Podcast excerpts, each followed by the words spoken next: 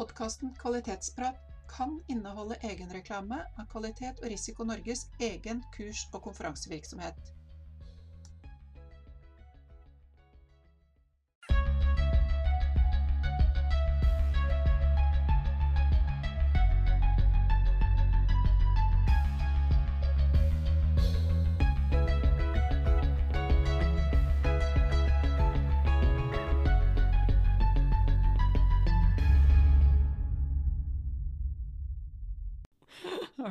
Har du hosta ferdig, Siri? Jeg Håper det. Ja. Litt sånn grumsete stemmer og røster i dag, eh, men eh, vi får leve med det. Vi har et veldig spennende tema i dagens kvalitetsprat. Ja. Ja. Skal vi snakke litt om kvalitetskostnader? Yes. Det er jo alltid spennende, og det vil jo selv økonomer gjerne ta en titt på av og til. Ja, tro det, da. Det er merkelig med det. Jeg har prøvd å, å engasjere Chief Financial Officer eh, men, i CFO i den type prat, men han var ikke så interessert i kvalitetskostnader som jeg hadde håpet. Men sånn er det. Hmm. Men kanskje vi skal begynne med å si hvem som snakker? Ja. Ja. Jeg er Siri Mathisen, og så har jeg med meg Sissel Storås.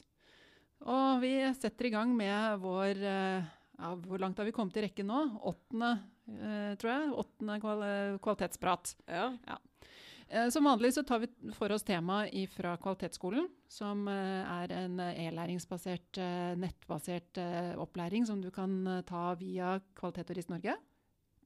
Så her er det bare å ta kontakt, enten på info at qrn.no, eller podkast at qrn.no, eller rett og slett eh, slå på tråden og ta en prat om Kvalitetsskolen. Da vil du lære mer om dette.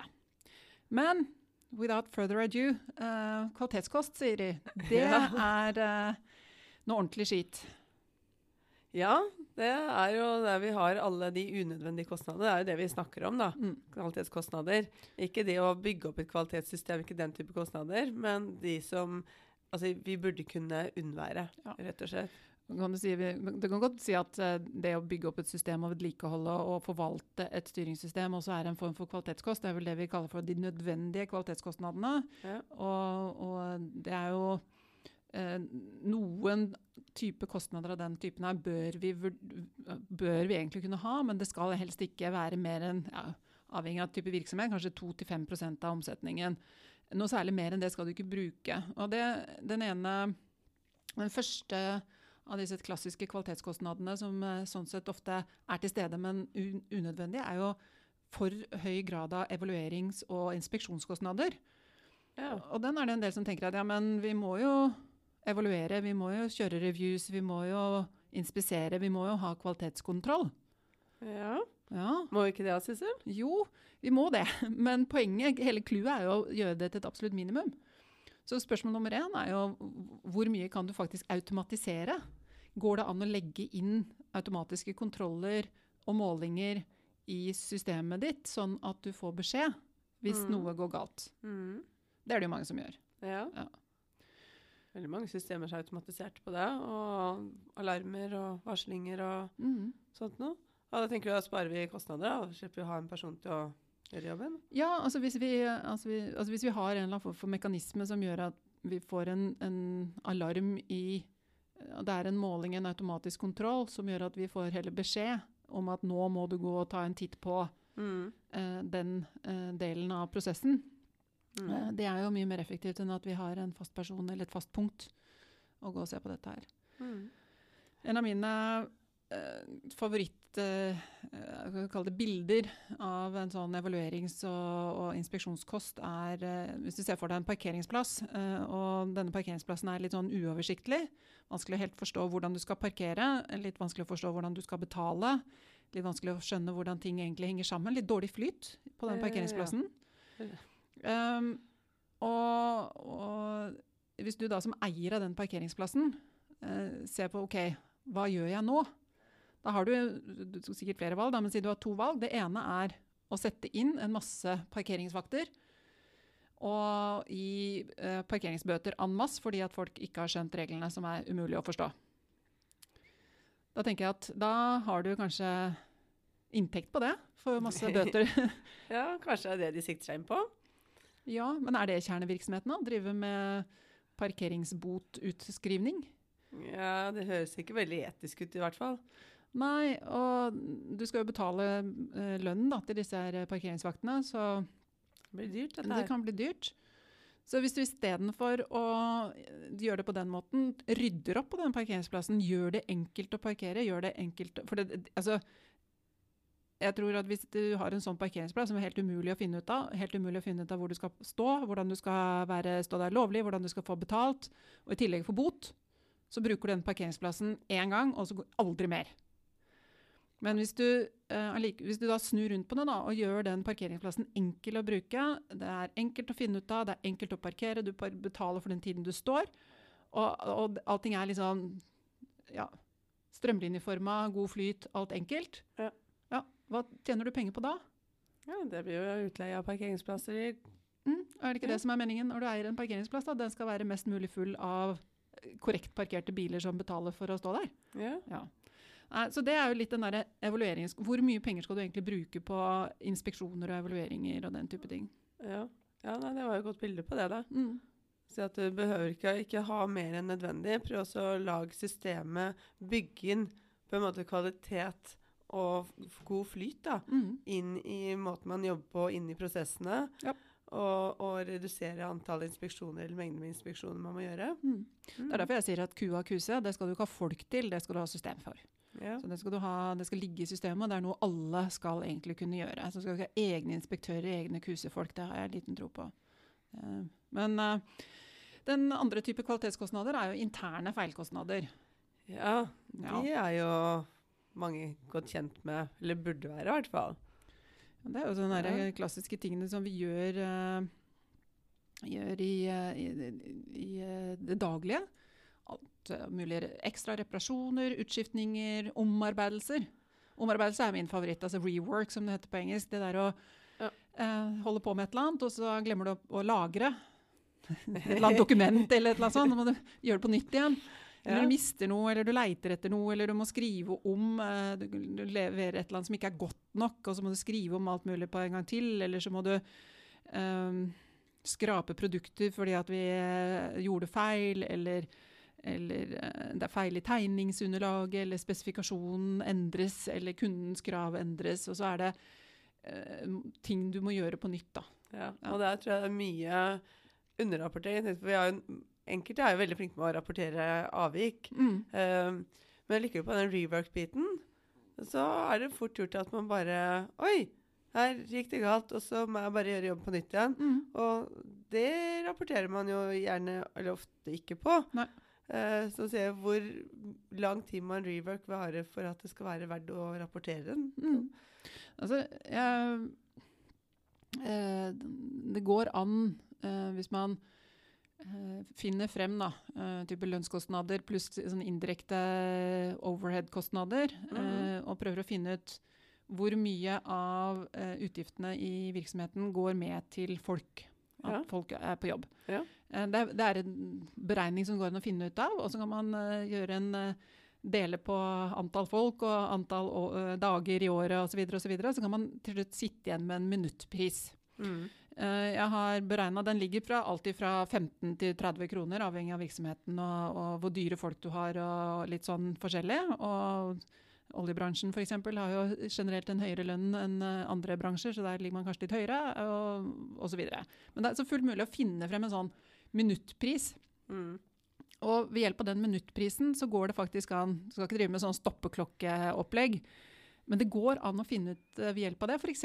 hvor mye kosta dette møtet, som vi alle sammen var helt enige om var fullstendig unødvendig. Ti stykker satt her en time, do the math. Og, og den, den bevisstheten rundt denne effektivitetskosten da, med et sånn minuttpris, det er noe jeg anbefaler alle å, å rett og slett beregne for sin virksomhet, for å kunne være øh, gjøre folk litt mer oppmerksom på da, eh, hvor mye penger som glir med til sånn dill og dall som vi gjør i hverdagen. Det jeg gjorde et sted, var jo bare å si 1000 kroner timen. Ja. Fordi at det er mye overhead-kostnader. Og så er det mye lettere å si at vi har brukt en halvtime, har vi brukt kvarter, har vi brukt en time. Eh, så bare beregna, og så er det per person. 1000 kroner per person per time. Det er sånn. 16 er sånn. 17 kroner minuttet, det, så det stemmer ganske godt. Ja. Eh, den siste type kvalitetskost er eksterne feil og mangler. Og det er jo herlig. Det er når, det, Ja, det ja, å, det er deilig. Det er når kunden finner feilen. Jeppi. Yes. Det var sånn, oh, nesten pinlig av og til, er det ikke det? Ja, ja. Det er, ikke sant? Driver du flyselskap og ikke får flydd, så må du betale hotell for alle de stranda passasjerene. Oh, Altså, det er den type kostnader vi den snakker om. smeller. Den Eller smeller. tenker sånn tilbaketrekking av sånn som Toyota, trekke Mm. tilbake biler og sånt noe. Mm. Finne ut hvem er det som har kjøpt disse bilene, hvor er de igjen, og hente dem tilbake igjen. Yep. Oi, oi, oi. Kundeklager, etterforskning og ettergå det. Eh, det å Har du en sur kunde eh, eh, I en ganske kjent, ukjent hemmelighet, kanskje. En sånn empowerment-eksempel. da. Men Ritz hotell, Mm. som deres valgspråk er 'Ladies and gentlemen serving ladies and gentlemen'. Og de, det sies der at alle ansatte der, um, stupiker, bellboys, uh, resepsjonsansatte, absolutt alle, fra høyt til lavt, kelnere, whatever, Mm. alle som jobber på Ritz, har mulighet til å kunne bruke inntil 3000 dollar på å blidgjøre en sur kunde. Så det er jo fristende, da, hvis du vet om det, å Oh. sjekke inn på Ritz og være veldig sur. Men, eh, men, eh, men, men det sier jo litt om, om hva man er villig til å, å gå, hvilken lengde man er villig til å gå. Mm. Eh, men skal også være bevisst på at det er jo en, en kostnad. Så det er om å gjøre egentlig å holde kunden blid eh, så lenge som mulig, da. Eh, Ja, uten de, den uten- kostnaden Uten der. den kostnaden. Ja. Eh, Men altså det, det, liksom, når ting skjer i felt, det å kunne tilby kunder hjelp, det å, å hente inn, det å bytte ut ting, bytte ut komponenter. Mm. Jeg husker det var et eh, eksempel eh, fra oljebransjen, um, hvor det hadde blitt installert uh, noe utstyr på havbunnen. Og så oppdaget man, da, uh, etter at dette var installert, at man hadde brukt feil Eller man kunne ikke Man visste ikke helt hvilken eh, sveisestandard som var brukt, eller om man hadde brukt en sveisestandard. Så man kunne ikke bevise at de sveisene som hadde vært eh, gjort på utstyret der nede, var av riktig kvalitet. Oi, oi, oi. Så enden på den storyen var jo at man måtte få sendt ut en ny marin operasjon og plukke det utstyret opp av havbunnen igjen og sette på nytt. Eh, altså den, kosta litt, gjorde den ikke det? Den kosta. Eh, så det å rette eksterne feil uh, med, fordi når kunden oppdager feilene, den, eh, den svir. Den svir skikkelig. Så det er jo det som er hele poenget med å ha gode interne systemer, sånn at vi passer på at alt som kommer ut, alltid har god kvalitet. Men det er også, nå er det kanskje færre og færre steder hvor de har uh, sånn kundeklageavdeling. Ja. Tenker, det er jo et godt tegn på at du har mange problemer. Hvis det er, ikke er altså, Enten kan være dårlig kommunikasjon hvis kunder må hele tida tilbake til deg for å undersøke ting. Eh, og hvis det er klager og det er feil hele tiden, så er det jo veldig stort tegn på at eh, altså, du må gjøre noe med den kvaliteten du sender ut, for her Mm. er det for mye som går ut med for dårlig kvalitet. Ja. Men, men altså at det å måle eh, eh, kundetilfredsstillelse er jo vanlig. Eh, Ja. de, de fleste, eller ikke, man, jeg får i hvert fall stadig vekk har vært og levert bilen på reparasjon, så får jeg melding tilbake fra verkstedet at de vil gjerne ha vite om min opplevelse. Eh, og når du ringer og snakker med Telenor, så kommer det en SMS tilbake om å be om å gi et tall. Eller Ja. alle disse, for ikke å snakke om alle disse her knottene som du skal trykke på når du går gjennom securityen i, på, Ja, ja. på Gardermoen, liksom. mm. Uh, og jeg syns de er litt meningsløse, for man vet jo aldri helt hvilken sin, sinnstilstand man var når man gikk. Det er jo noen som trykker på den røde knappen av prinsipp. Ikke fordi at de nødvendigvis var så dårlig behandlet i den security-sjekken akkurat der og da, men fordi de syns hele greia er noe stort tull.